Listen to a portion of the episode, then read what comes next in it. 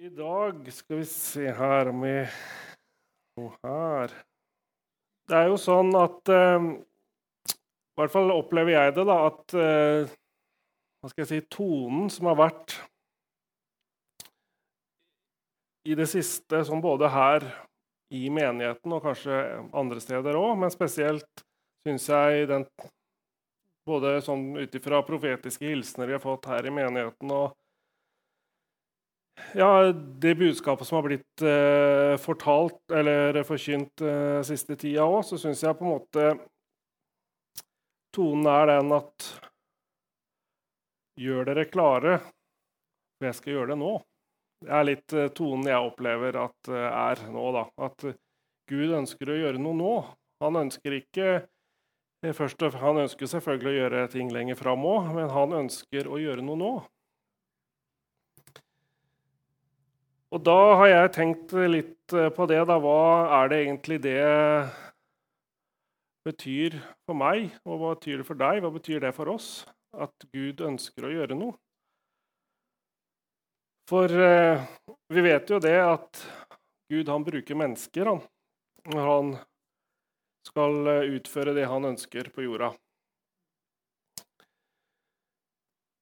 Og da er det faktisk sånn at jeg tror at det Gud gjør nå, er at han sitter egentlig og venter litt på at vi skal stille oss til hans disposisjon.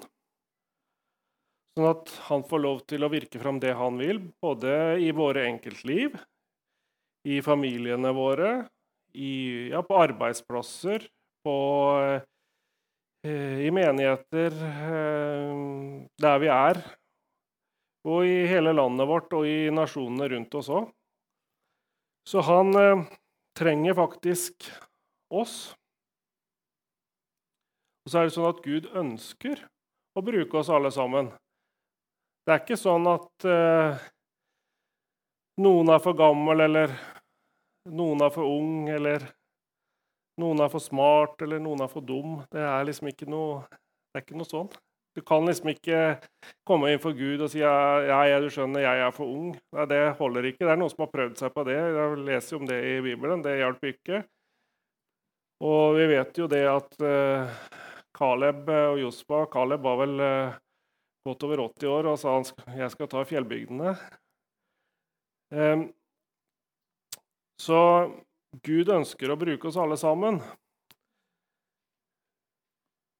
Og det var eh, noen ord som eh, Arne delte på et møte her for eh, en tid tilbake, som Hvor jeg bare ble sittende og lese litt videre det som sto der, og da plutselig så kom prekenteksten til meg. Og egentlig det jeg har kalt den prekenen her, det er at du skal gjøre det. Eller jeg skal gjøre det. Så vi kan eh, starte med å slå opp i eh, andre Mosebok, kapittel 14.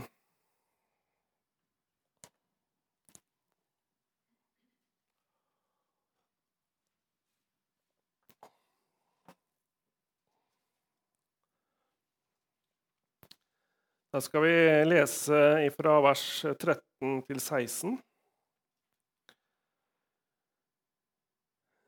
Moses sa til folket, frykt ikke, dere skal bare stille dere opp og se Herrens frelse, som Han skal fullbyrde for dere i dag. For slik dere ser egypterne i dag, skal dere aldri i evighet se dem igjen. Herren skal stride for dere, og dere skal være stille. De versene leste Arne, og så ble jeg sittende og lese vers 15 og vers 16 nå, og det talte veldig til meg. For Herren sa til Moses, Hvorfor roper du til meg? Si til Israels barn at de skal dra videre.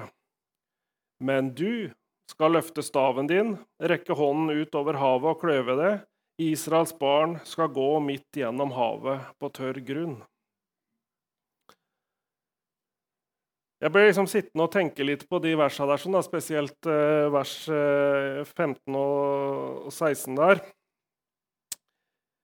Når Herren sier til Moses, 'Hvorfor roper du på meg?' eller 'roper du til meg?' Og det her er jo ikke, absolutt ikke noe angrep på det å be, for det skal vi absolutt. Men det er noen ganger jeg tror at vi driver og ber til Gud om ting som han allerede har bedt oss om å gjøre. Og det vi, tenker, vi kanskje ser et behov, og så begynner vi å be ja, kjære Gud, må du dekke det behovet der sånn. Men det er kanskje en grunn til at vi ser det behovet, da, for at det er vi som skal dekke det behovet.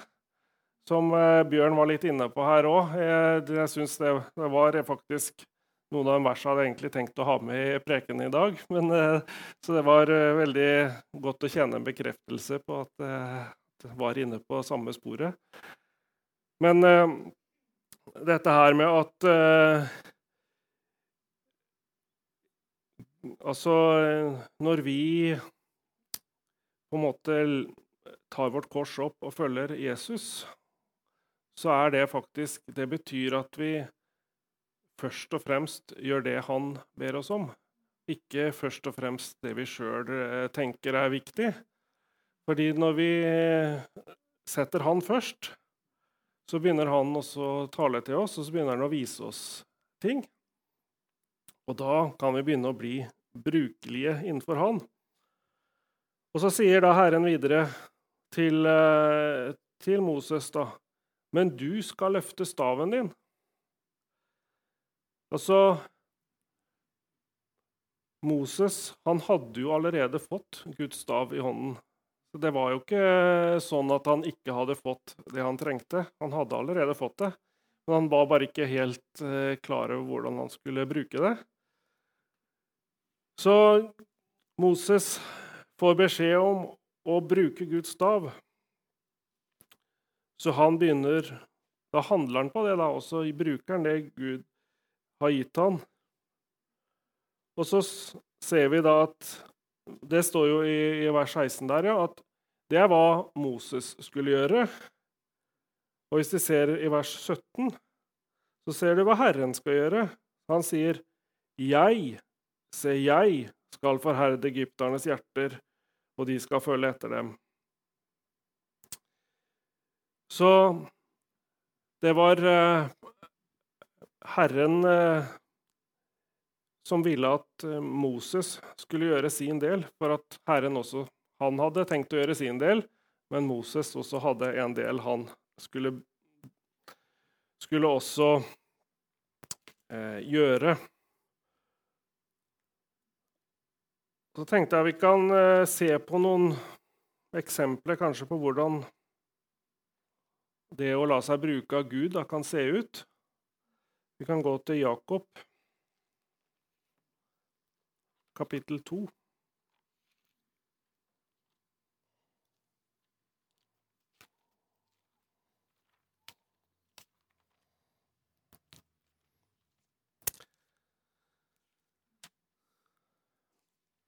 Og så skal vi lese fra vers 14 eh, til 26.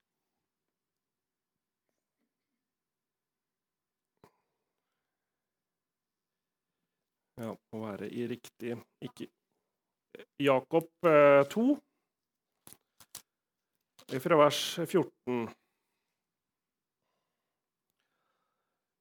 Det her er jo kanskje noen vers som til tider har blitt eh, litt misforstått opp igjennom, men vi skal lese gjennom alle versene her først, og så skal vi si litt rundt det. Hva gagner det, mine søsken, om noen sier han har tro, men ikke har gjerninger? Kan troen frelse han?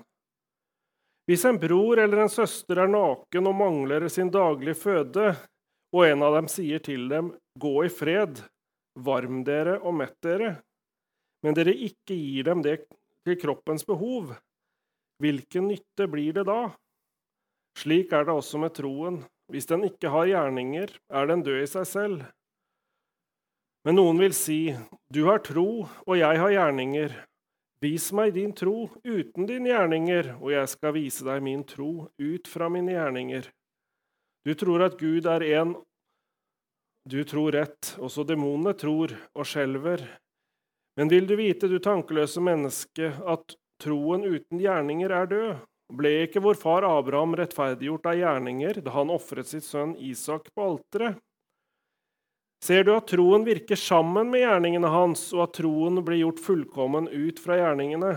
Og Skriften ble oppfylt som sier, Abraham trodde Gud, og det ble regnet han til rettferdighet, og han ble kalt Guds, sønn, nei, Guds venn.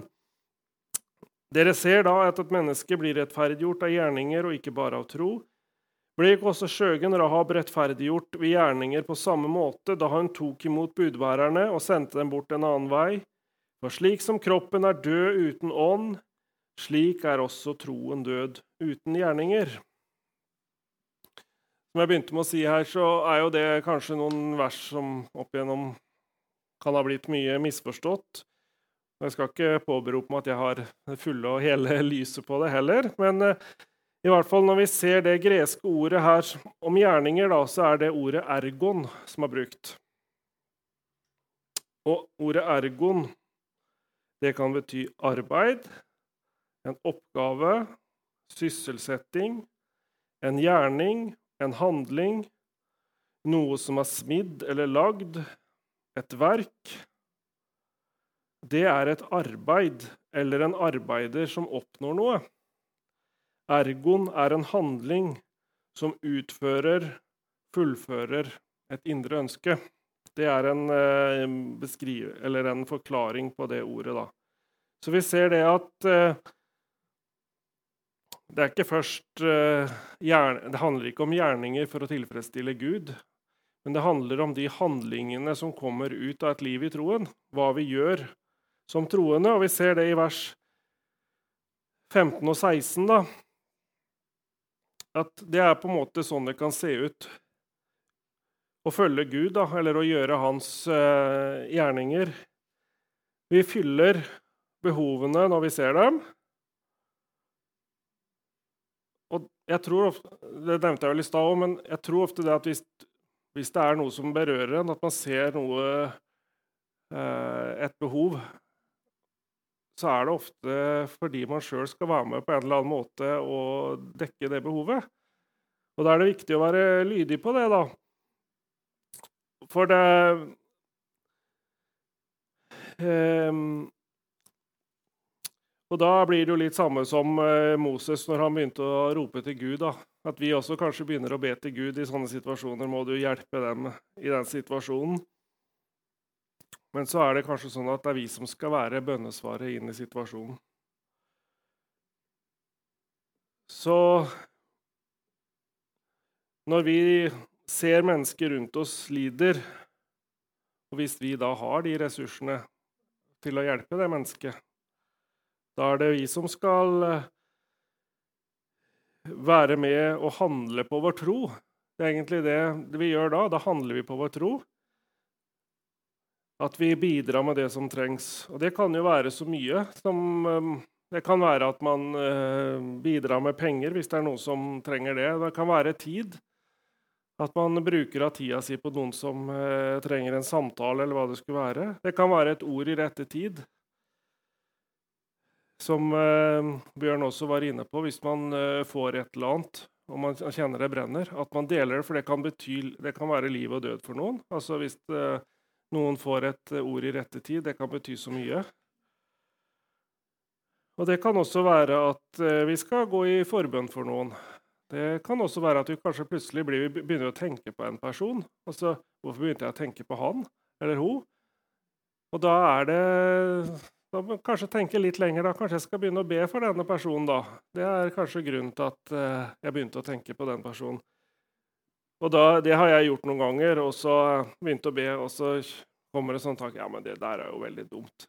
Å begynne å be for noen sånn uh, Vet jo ikke noe om eller noen ting. Men da skjønner jeg jo det at det er bare fienden, fordi Herren vil jo Herren kommer aldri stoppe oss i å be for noen. Han kommer aldri stoppe oss når vi er med og velsigner og, og er til for noen. Så, så det, hvis vi får sånne tanker når vi ber for noen, så vet vi at det er ikke fra Herren. Han ønsker alltid at vi skal være med og velsigne og be for folk. Så Jakob her er jo så frimodig, så han sier i vers 26 at troen uten gjerninger, den er død. Altså troen uten Altså, jeg kan ha all verdens tro, eller jeg kan si da, at jeg har all verdens tro, at jeg kan Bibelen på rams og kan være den som ber de flotteste bønnene, eller hva som helst. Men hvis ikke jeg lar meg bruke av Gud, da, og når jeg ser et behov og dekker det, så, så har det ingen effekt. Det har ingen eh, Det blir eh, som det står i 1. Korinterne 13, da blir man som en klingende bjelle eller lydende malm. Det har liksom ikke noe effekt. Men eh, når vi har tro, og vi har gitt oss til Jesus, så handler vi når han viser oss noe. Og så Noen ganger så har vi vel sånn at vi tenker at Gud kan jo ikke bruke meg. da. Han kan jo bruke alle andre, men han kan ikke bruke meg. For eh, Enten 'jeg har ikke kommet så langt', eller 'jeg har blitt så gammel nå', eller 'jeg eh, har jo gjort sånn og sånn eh, før i tida', og Jeg eh, er jo ikke så flink til å preke eller si noe til folk. Men det er ikke det Herren ser etter. Han ser ikke etter sånne ting. Og da kan vi slå opp litt i Jesajas kapittel 6. Skal vi se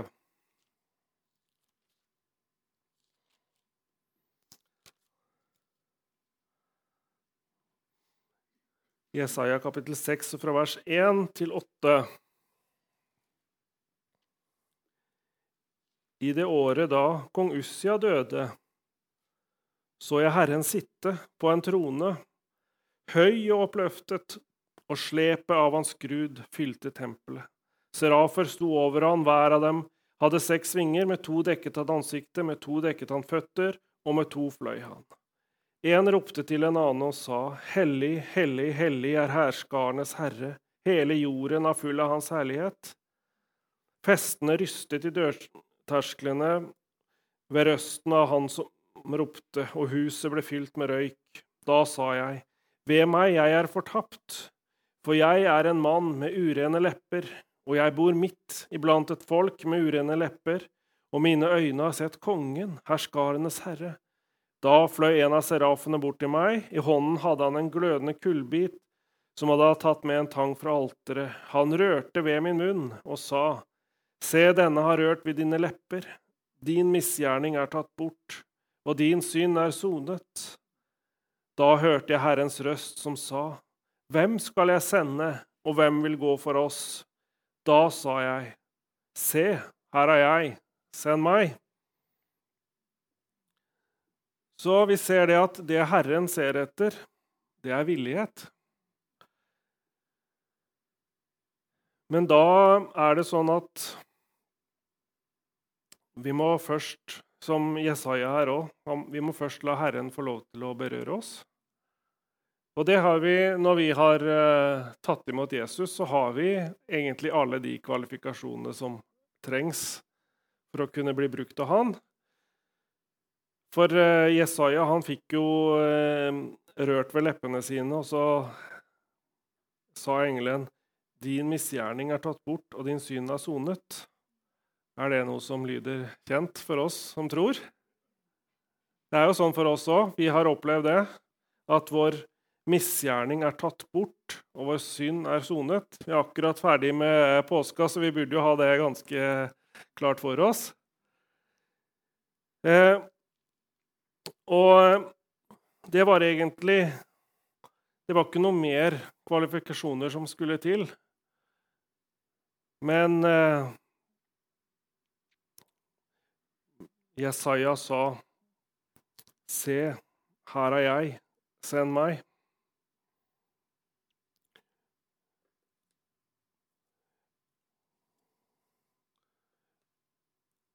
Og det er så viktig for oss at vi ser det her, at Gud, han kaller ikke perfekte mennesker. Han kaller og bruker dem som er villige.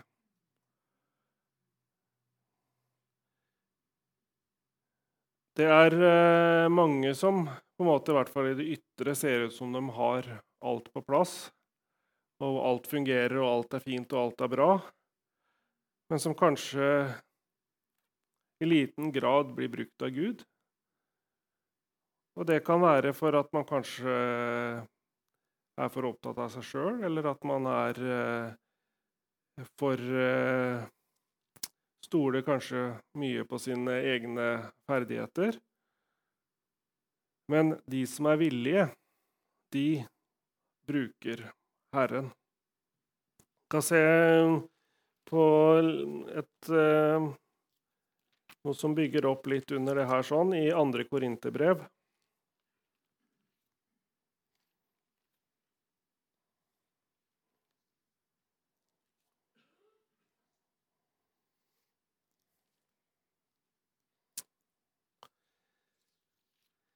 Det blir som regel noen uh, skriftsteder når jeg preker, men uh, jeg tror det er eh, bra òg at vi kan uh, bygge opp under det vi sier med Guds ord. Det står i 2. Korinterbrev 8, og fra vers 10 til 12 så står det Og her vil jeg gi dere et råd. Det er til deres eget gang dere ikke bare begynte å virke for et år siden, men dere hadde også vilje til det. Men nå må dere også fullføre gjerningen på samme måte som det var ferdig til å ville det, så må nå arbeidet bli, bli fullført ut fra det dere har. For hvis det først er et villig sinn, blir det verdsatt etter det en har, og ikke etter det en ikke har. Det her eh, snakker jo egentlig Paulus da om givertjenesten, men det gjelder egentlig alle aspekter, alle sider av det Gud eh, ønsker å bruke oss til. Det handler om å ha et villig sinn. At vi, eh, når Herren kaller, at vi svarer og gjør det Han leder oss til. Det står at hvis det først er et villig sinn, blir det verdsatt etter det en har og ikke etter det han ikke har. Så Gud eh, bruker det vi har, ikke det vi driver og forteller Gud hele tida at vi ikke har, men det vi har, det, det bruker Gud. Så tenkte jeg vi kan se litt på noen eksempler på noen personer som eh, eh, som var villige og lydige når Gud kalte dem, og se litt hva det kan bety. Og det å være villig når Gud kaller. Vi kan gå helt tilbake til første Mosebok,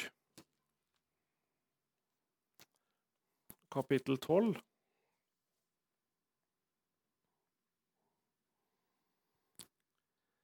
Så skal vi lese fra vers 1 til 4.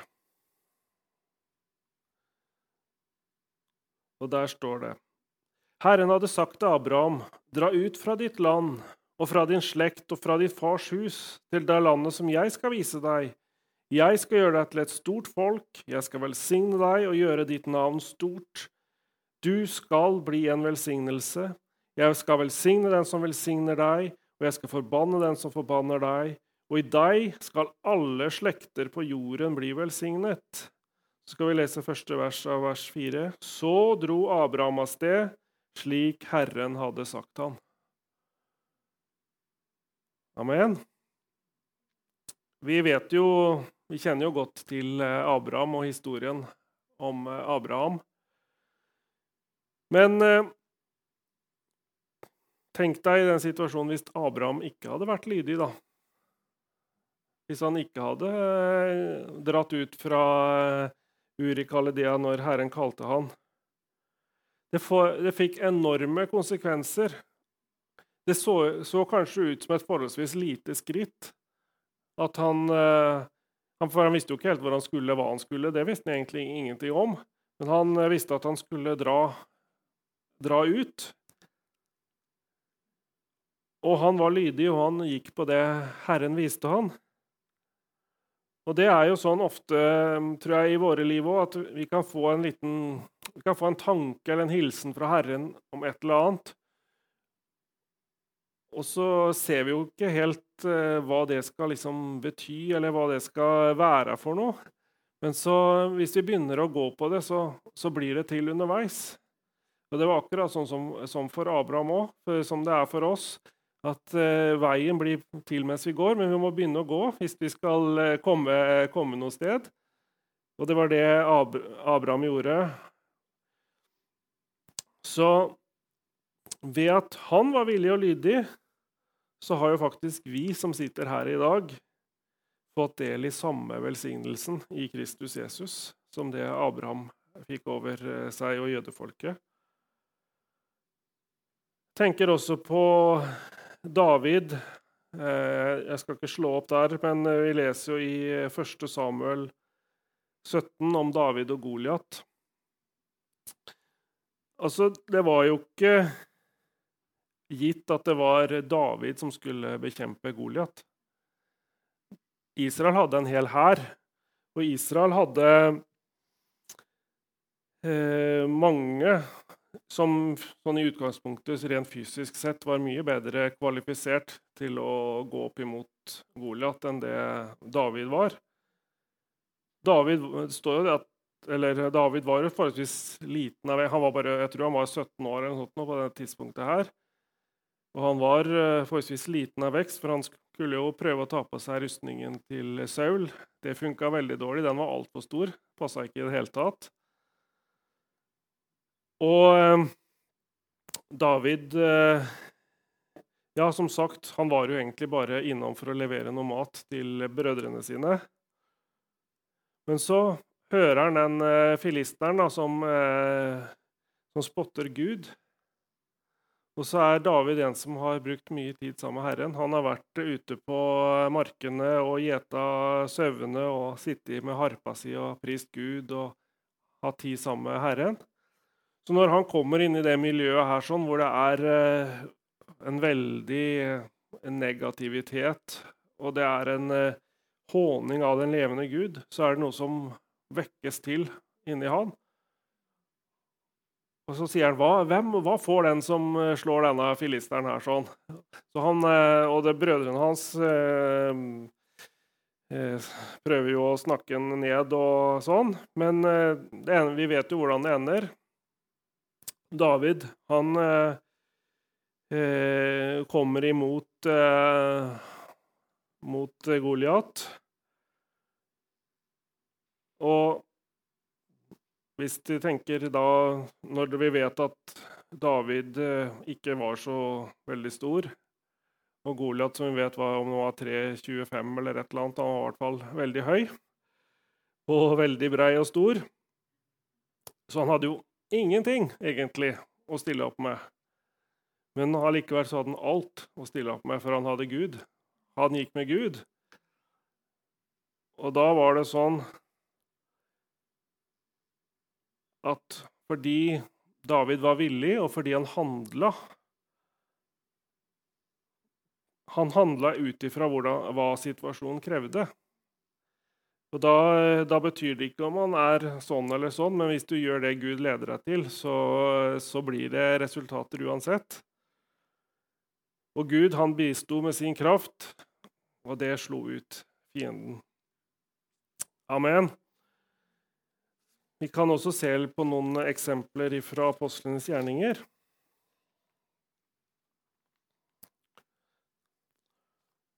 På mennesker som lot seg bruke av Herren.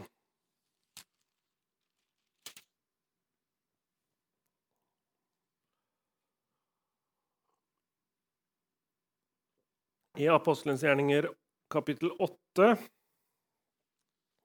og fra vers 29 så leser vi om eh, Philip og hoffmannen.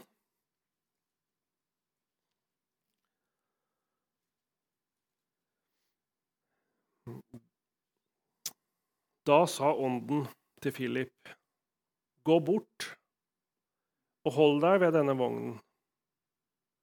Så sprang Philip bort til han og hørte han lese fra profeten Jesaja. Og han sa, Forstår du det du leser?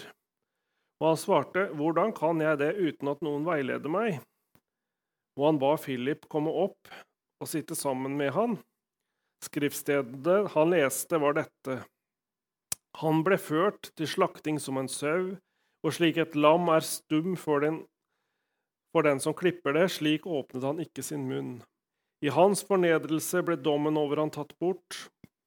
Og hvem kan gjøre hans slekt kjent? For hans liv blir tatt bort fra jorden. Så henvendte hoffmannen seg til Philip og sa, Jeg spør deg, hvem er det profeten sier dette om? Om seg selv eller om, om en annen? Da åpnet Philip sin munn, og han begynte ut fra dette skriftstedet å forkynne evangeliet om Jesus for han. Da de fortsatte bortover veien, kom de til et sted hvor det var vann, og hoffmannen sa, Se, her er vann. Hva er til hinder for at jeg blir døpt? Da sa Philip, Hvis du tror av hele ditt hjerte, kan det skje. Og han, sa, og han svarte og sa, Jeg tror at Jesus Kristus er Guds sønn. Så befalte han at vognen skulle stanse, og både Philip og hoffmannen gikk ned i vannet, og han ble døpt. Da de kom opp av vannet, tok Herren, Herrens ånd Philip bort, slik at hoffmannen ikke så han lenger, og han dro sin vei med glede. Amen. Det var jo også noe som eh, Bjørn nevnte litt her med det når man får et ord eller en tanke. Dette her viktigheten noen ganger av å handle der og da. Og det var det Philip opplevde her, her når ånden talte at han skulle gå bort til eh, denne vogna. her sånn. Da kjente han på at en hast, at dette her var viktig. Det var noe som hasta. Så han Det står at han sprang bort. Og Jeg har litt, tenkt litt på det noen ganger. Hva, hadde liksom skjedde hvis, eh, hvis da eh, Philip hadde tenkt at ja, nei, men det var jo fint at du vil jeg skal gå bort til den vogna der sånn. Ja, den vogna skal vel sikkert gå foran meg der kanskje helt til i morgen, den, så jeg kan jo ta det kanskje i kveld, eller når vi stopper en gang, eller et eller annet sånt nå, så kan jeg jo gå bort til den vogna. Men han gjorde ikke det. Han eh, forta seg bort. Han løp bort. Og da kom han akkurat i rett tid, fordi da leste denne Hoffmannen disse versene her, sånn, som ble en inngang til at han kunne begynne å forkynne evangeliet for ham. For Hadde han kommet eh, senere, så kanskje ikke han hadde fått den samme inngangen. Så det er eh, ofte viktig at vi handler når vi kjenner at vi skal det. Og det som eh, også jeg tenker jeg gjør også denne historien her viktig òg, det er jo også at det her er i hvert fall noe jeg har hørt. Da. Jeg vet ikke om det her stemmer 100% men vi vet jo, det står jo at denne mannen her var en etiopisk eh, hoffmann med stor myndighet under Kandake, står det i vers 27. Eh, så han var en viktig person i landet, i Etiopia. Og jeg har hørt at det at han ble frelst og kom tilbake til Etiopia, var det som var med på å bringe evangeliet til Etiopia. Så jeg, jeg, ikke, jeg, har ikke fått det bekrefta, sånn sett, men jeg har bare hørt det blitt eh, fortalt tidligere. Og hvis det stemmer, da, så er det jo utrolig viktig da, at Philip benytta den sjansen her sånn, sånn at denne um, hoffmannen, som hadde stor myndighet i landet sitt, kunne komme tilbake og vitne om hvem Jesus var. Så noen ganger så kan ting virke kanskje ikke så stort, men eh, det blir veldig stort når vi gjør det Herren vil vi skal gjøre. Vi kan se på et annet eksempel også fra Apostelens gjerninger, fra kapittel 9 og fra vers 10. Der står det det var en, annen, nei, det var en disippel i Damaskus ved navn Ananias. Og til han sa Herren i et syn, Ananias, og han sa, her, her er jeg, Herre. Så sa Herren til han, Reis deg og gå til gaten som blir kalt Den rette, til Judas hus, og spør etter en som blir kalt Saulus fra Tarsus, for se, han ber. Og i et syn har han sett en mann ved navn Ananias komme inn og legge hånden på seg, slik at han skulle få syn igjen. Da svarte Ananias, Herre, av mange har jeg hørt om denne mannen, hvor mye skade han har gjort mot dine hellige i Jerusalem, og her har han fullmakt fra øverstepresten til å binde alle som påkaller ditt navn. Men Herren sa til han, Gå, For han er et utvalgt redskap for meg til å bære, ditt, bære mitt navn fram for hedningefolk, konger og Israels barn, for jeg vil vise han hvor mye han må lide for mitt navns skyld. Og Ananias gikk av sted og kom inn i huset. Så la han hendene sine på han og sa, Bror Saul, Herren Jesus, som viste seg for deg på veien da du kom, har sendt meg for at du skal få synet tilbake og bli fylt med Den hellige ånd. Straks var det som skjell falt fra øynene hans, og han fikk synet tilbake med det samme, og han sto opp og ble døpt, og fikk mat og ble styrket. Så ble Saulus noen dager hos disiplene i Damaskus, og straks forkynte han Kristus i synagogene at han er Guds sønn. Halleluja! Det var ikke noe spesielt med Ananias. Var, det står bare at han var en disippel, akkurat som eh, deg og meg. Vi er disipler av Jesus. Det var bare en som hadde fått møte Jesus. En som eh, elska Jesus, som hadde eh, fått møte han. Så eh, han var eh, en, det står ikke at han var en apostel, eller at han var, eh, hadde noe spesiell tjeneste der eh, i Damaskus. Men han var en disippel. Men det som var da med Ananias, det var at han hørte fra Herren. Og når han hørte, så handla han også. Men først så ble han jo litt eh, Han stilte jo noen spørsmål, da, for han hadde jo hørt mye om denne her, eh, Saulus. At han var ikke helt eh, helt god, kanskje. Men eh, når Herren fortsatte å tale til ham, så skjønte han at det her det er viktig, det her må jeg gjøre.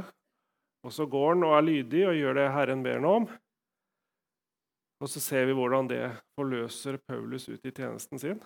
Tenk deg Paulus som har fullført Guds ord, som kom med de største åpenbaringene egentlig, som gjelder oss som tror, med menigheten og hvem vi er i Kristus. Det starta ved at det var en som var villig, en som var lydig til å gå bort. Selv om han kanskje hadde et rykte på seg i utgangspunktet som ikke var bra, så var den eh, disippelen her, Ananias, han var frimodig. Og så gikk han bort til ham og ba for ham. Så fikk han Den hellige ånd, og etter det så vet vi jo hva som skjedde. Så det vi eh, det lille vi kanskje tenker Eller det vi tenker er lite noen ganger, da, det er så mye større, eller kan få så mye større eh, konsekvenser enn det vi eh, tenker der og da.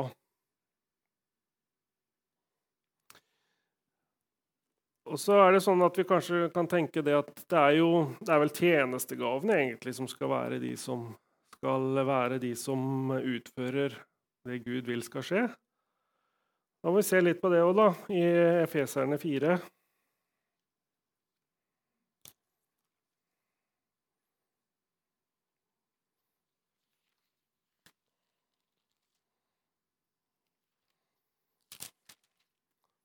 Efeserbrev 4 fra vers 11. Så står det det.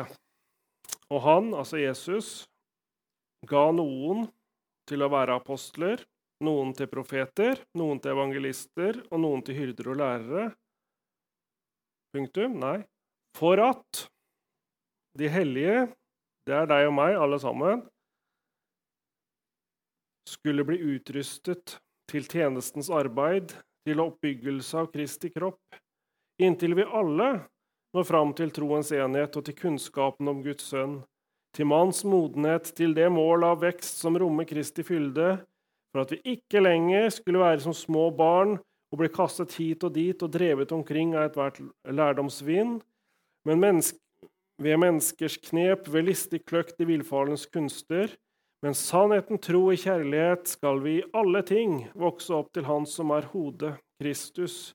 Ut fra Han blir hele kroppen sammenføyd og holdt sammen ved den oppgave som ethvert ledd har, etter virkningen av den styrke som er gitt hver del.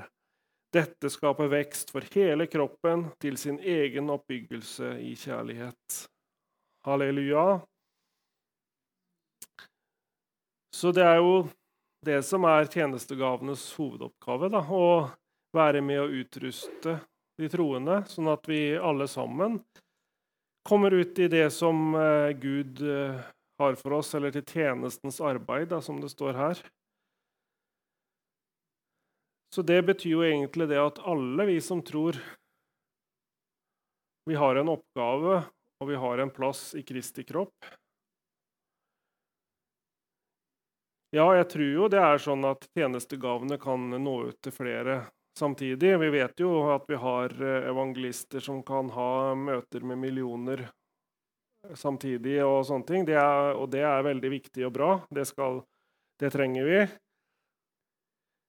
Men vi er også kalt For det står at vi er et legeme. Vi er en kropp. Og det er først når hele legemet kommer i funksjon, at det blir fart på sakene.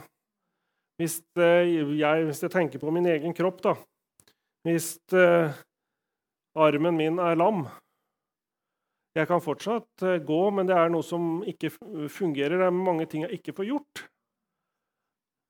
Uh, og så er det så mange ting i den armen her som må fungere òg. Det, det, er ikke bare en arm i seg sjøl. Det er flere deler. Det er flere ledd og muskler og sener og nerver og alt mulig. Eh, så vi trenger Herren han har faktisk gjort seg avhengig av oss alle sammen. Han ønsker at vi alle sammen skal brukes. Og det er litt der eh, som jeg begynte litt med å si, at jeg tror det er der vi er litt i dag, at Gud jobber med oss. Han eh, driver og hjelper oss til å se vår plass i legemet, sånn at vi begynner å se ja, der er det et eller annet et behov som eh, må dekkes. Kanskje, kanskje jeg skal bidra litt der. Og jeg tror også det er sånn at Gud ønsker at vi skal også da begynne å handle ut ifra den plassen vi har i legemet. Og da igjen kommer det kanskje noen flere spørsmål. Ja, men hva er det liksom vi er kalt i, da? Hva er det Gud vil vi skal drive med, eller hva er det Gud vil bruke oss til? Og vi kan jo først ta det som jeg tenker er det mest grunnleggende. Vi kan lese om i uh, Matteus 5.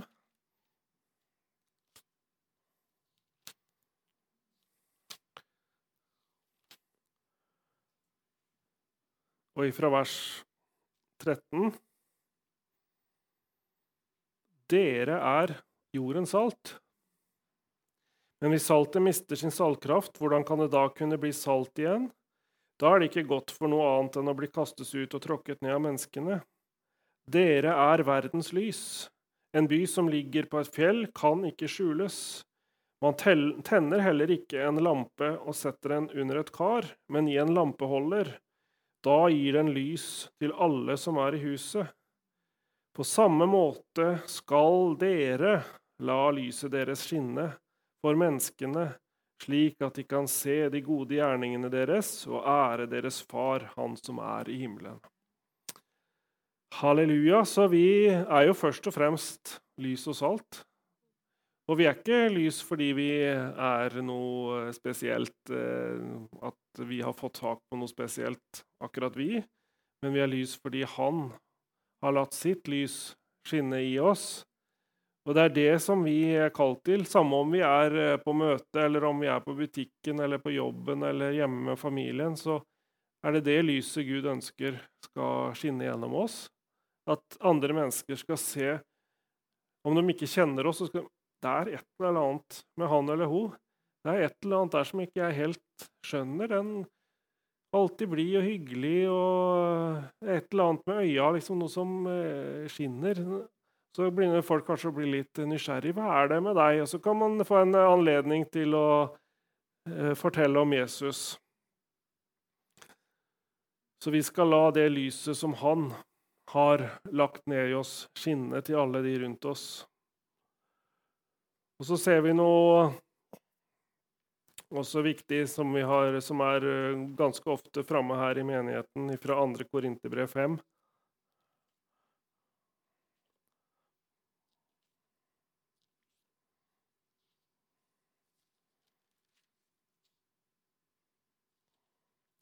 Fra vers 18.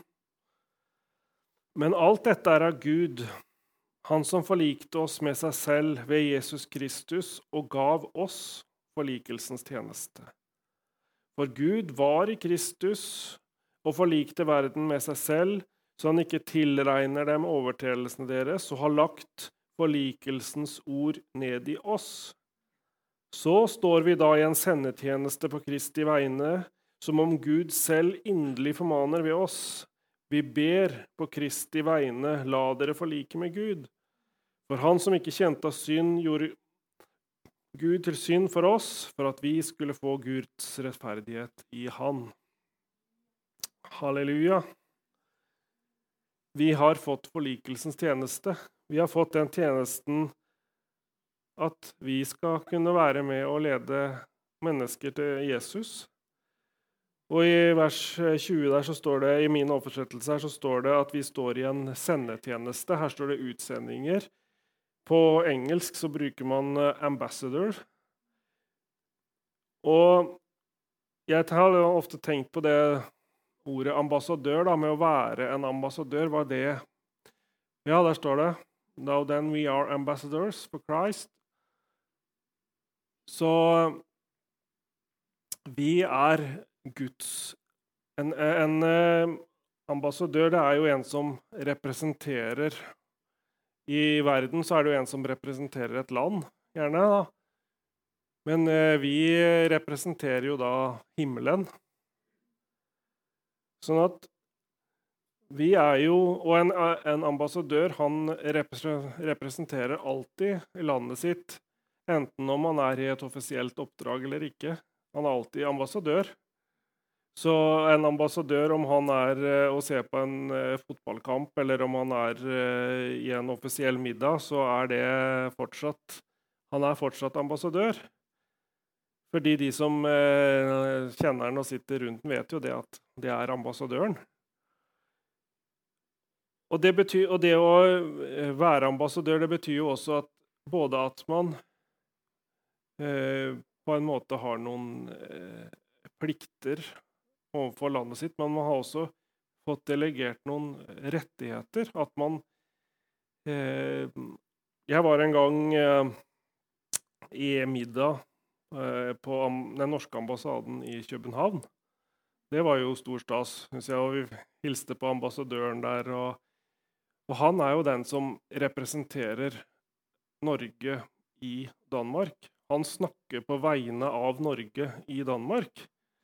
Og det er faktisk sånn at vi også har fått samme rettigheten, at når vi eh, taler, så taler vi på vegne av Herren. Og det er ikke sånn at det nødvendigvis er i det store og det voldsomme, men det er uansett Når vi deler noe med andre mennesker, så deler vi noe ifra Herren.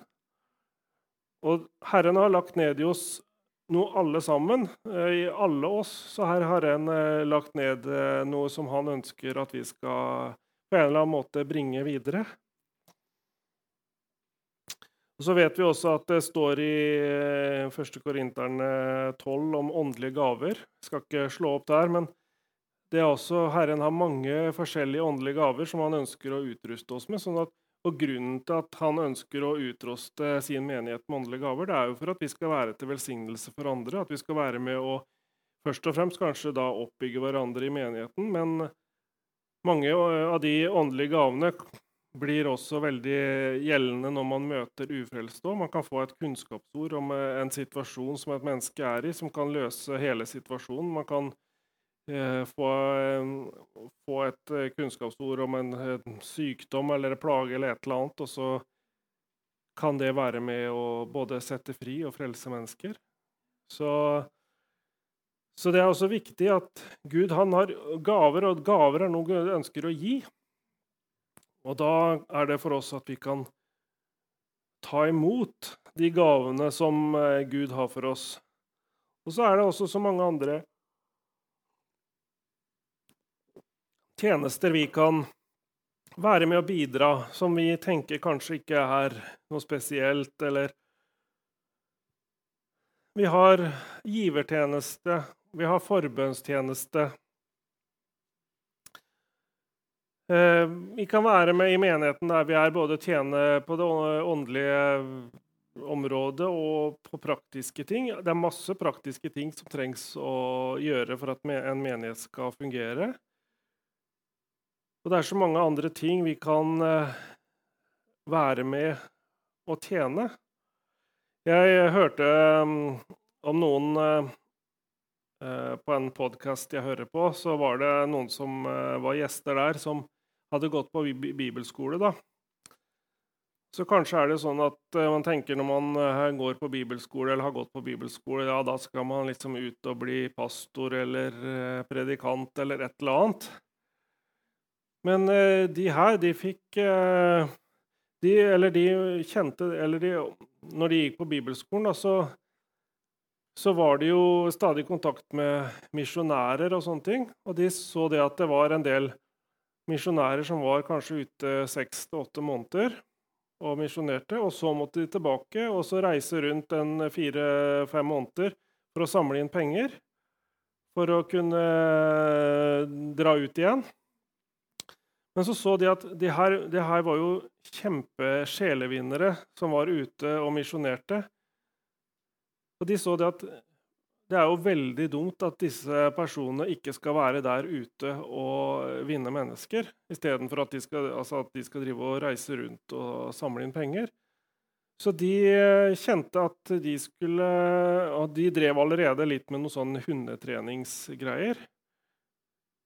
Og de fikk, bli ble velsigna og, og, bygde opp dette. Så nå hadde de masse sånne sentre som drev med sånn eh, hundetrening der borte. Det kan jo virke veldig uåndelig da, å drive med hundetrening. Men de hadde blitt så velsigna så de tjente gode penger, så de kunne være med og støtte misjonærer som, eh, som, reiste eh, ut. Så de kunne være ute på heltid og ikke måtte drive og reise fram og tilbake. Så det er en sånn ting man kan tjene Gud på uten at man eh, nødvendigvis tenker at det er liksom sånn en stor tjeneste.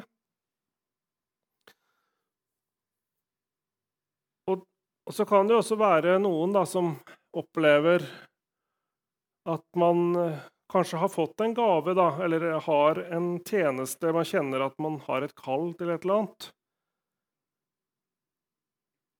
Og så er det kanskje noe man ikke har kommet ut i ennå. Så kan man bli litt frustrert og sitte der og vente på når skal det her skje. Nå skal jeg komme ut i det som Gud har uh, talt om. Og da har jeg et ord til deg som uh, kan tenke sånn også, så er det i Ordspråkene kapittel 18 Vi leser et vers.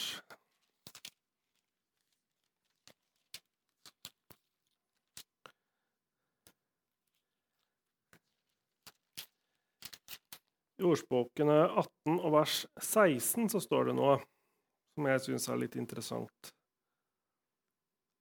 Et menneskets gave åpner vei for han og fører han fram for de store.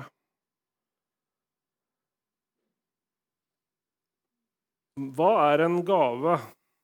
Jo, en gave er noe du gir. Altså Hvis du har, har en gave med, så er det noe du må gi den gava.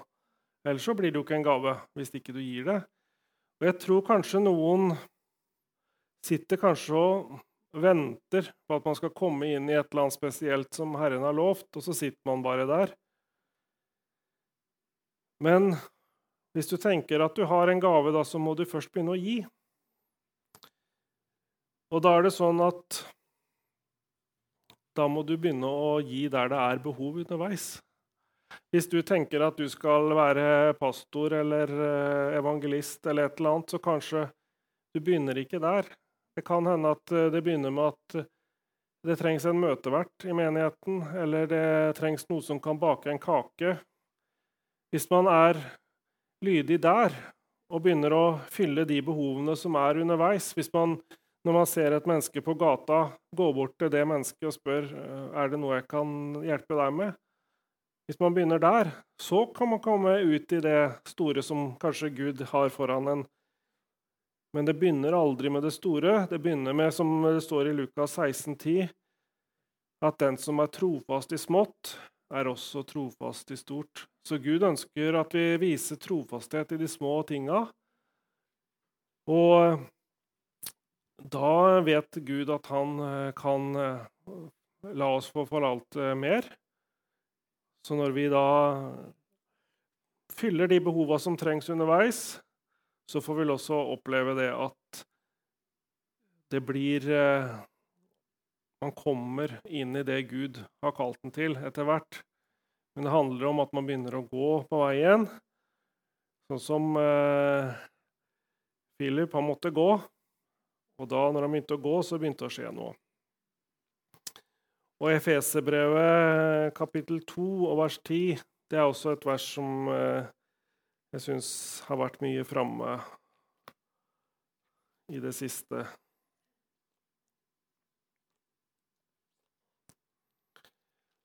Det kan få oss til å senke skuldrene litt, tenker jeg.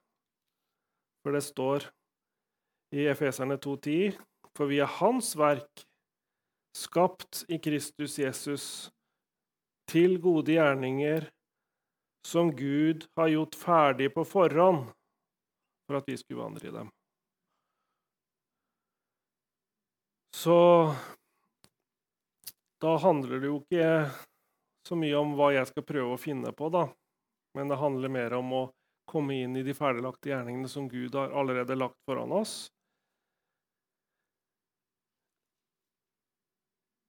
Og da er det egentlig det som bare gjenstår, er jo at vi vandrer i dem. For det er det han sier at vi skal gjøre. Vi skal vandre i dem. Så vår oppgave blir egentlig da bare å følge Herrens ledelse. det. For det er Herrens oppgave å utruste. Hvis, er, hvis vi kaller han arbeidsgiveren vår, da, så er det jo hans oppgave å gi oss den uh, vi trenger for å gjøre den jobben vi skal gjøre. Og så lenge vi stoler på Herren, så leder han oss på den veien han vil vi skal gå på.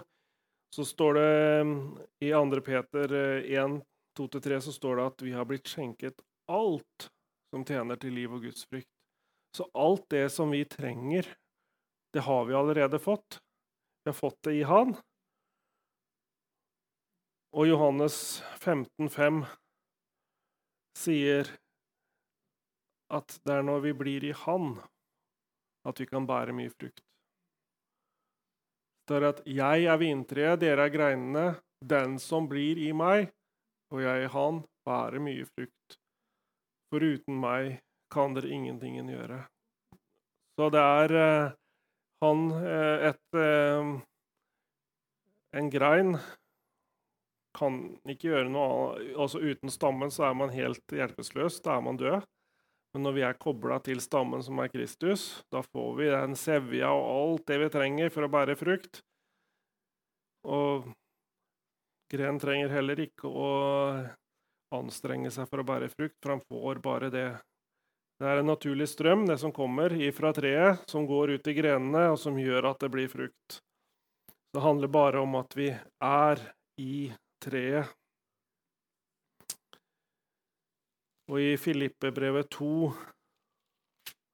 og i vers 13 så leser vi For det er Gud som virker i dere, både å ville og virke for hans gode vilje. Så det er Gud som virker det fram. Og det er eh, Gud som ønsker å bruke oss. Og så kan man jo da kanskje tenke noen ganger om det er så viktig at akkurat jeg skal gjøre noe, da. Og det kan jo føles som et sånt press eller et jag, eller sånt, men det er ikke det det handler om. Det handler om, å, som vi så på her, at vi skal gå i de ferdiglagte gjerningene. Og så er det også veldig viktig at vi forstår det at det handler ikke her om at vi skal liksom gjøre noe for å prøve å imponere Gud, eller at vi skal prøve å få han til å elske oss høyere, eller at eh, vi skal prøve å bevise et eller annet overfor Gud. Det er ikke det det handler om. fordi vi, det er ingenting som kan få Gud til å elske oss mer eller mindre. Han ga alt når, han, eh, når Jesus døde på korset. Så viste han den, der viste han hvilken kjærlighet han har til oss.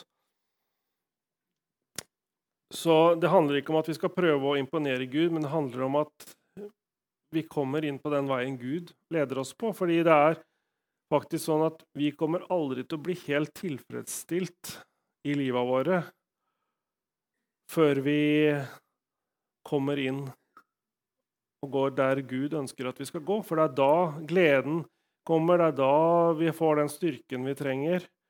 Hvis vi hele tida driver med våre egne ting og våre egne prosjekter, så, så blir man sliten, man blir eh, trøtt og lei etter hvert. Men når vi gjør det Herren eh, leder oss til, så er det, det er ikke sånn at det nødvendigvis er problemfritt. Det tror jeg ikke. Men da vil man alltid kjenne en glede og en fred, og at man får all den styrken man trenger. Så Gud, han trenger oss alle. Han ønsker at vi alle skal være med. Han har faktisk eh, gjort seg også avhengig av oss. For det er gjennom oss han får sin vilje til å skje her på jorden. Så da blir jo på en måte utfordringa som jeg kjenner på, og som eh, vi alle sikkert kjenner på, at hva gjør vi da når vi hører ropet fra den trengende, eller ser et behov som må fylles? Da er det jo at Herren leter etter de som sier, 'Herre, her er jeg, send meg'. Og da er det ikke sånn at vi nødvendigvis trenger å gjøre som Moses, at vi må rope til han, men vi kan vite det at vi har fått staven. Som Moses fikk staven, så har vi fått staven til å gå og gjøre det han vil vi skal gjøre. Og jeg kan gjøre det, og du kan gjøre det. Så vet du at Jesus elsker oss, og han har gitt oss alt det vi trenger for å fullføre hans vilje. Og som jeg sa i stad også, Gud leter ikke etter det perfekte. Vi, vi, vi, kan prøve liksom å tenke at vi må ha sånn og sånn på plass først, men det er ikke det det handler om. Det handler om at vi begynner å gå sammen med Herren. Så kommer han helt sikkert til å peke på ting hvis det er ting som må rettes opp i. Men han leder oss underveis. Og da er det sånn at Når vi tør å handle på hans ledelse, da skal vi se at eh, veien åpnes. Både for at tegn, under og mirakler begynner å skje, at vi kan få se det vi lengter etter av vekkelse. Det skjer når vi som hans kropp begynner å handle på det han viser oss. Amen. Det var det jeg hadde tenkt å dele her i kveld. Så det ligger jo en utfordring til oss alle i det, at vi eh, Først og fremst at vi bare står opp om morgenen og sier, 'Herre, her er jeg. Send meg.' Takk at du har gitt meg det jeg trenger, og takk at du lar meg være en velsignelse der hvor jeg er. Når vi gjør det, så kan Gud bruke oss. Det kan være i små ting og store ting. Og vi begynner ofte Gud vil ikke eh, ber oss ikke å gjøre, noe vi, gjøre noe vi ikke er i stand til å gjøre. Men uh, han vil alltid lede oss i ting som vi er i stand til å kunne gjøre. Og da får vi, når vi gjør det, begynner i de små tinga, så kjenner vi en glede ved det. Alltid sånn at når vi gjør det Herren ber oss om, så kjenner vi jo en glede og en tilfredsstillelse ved det.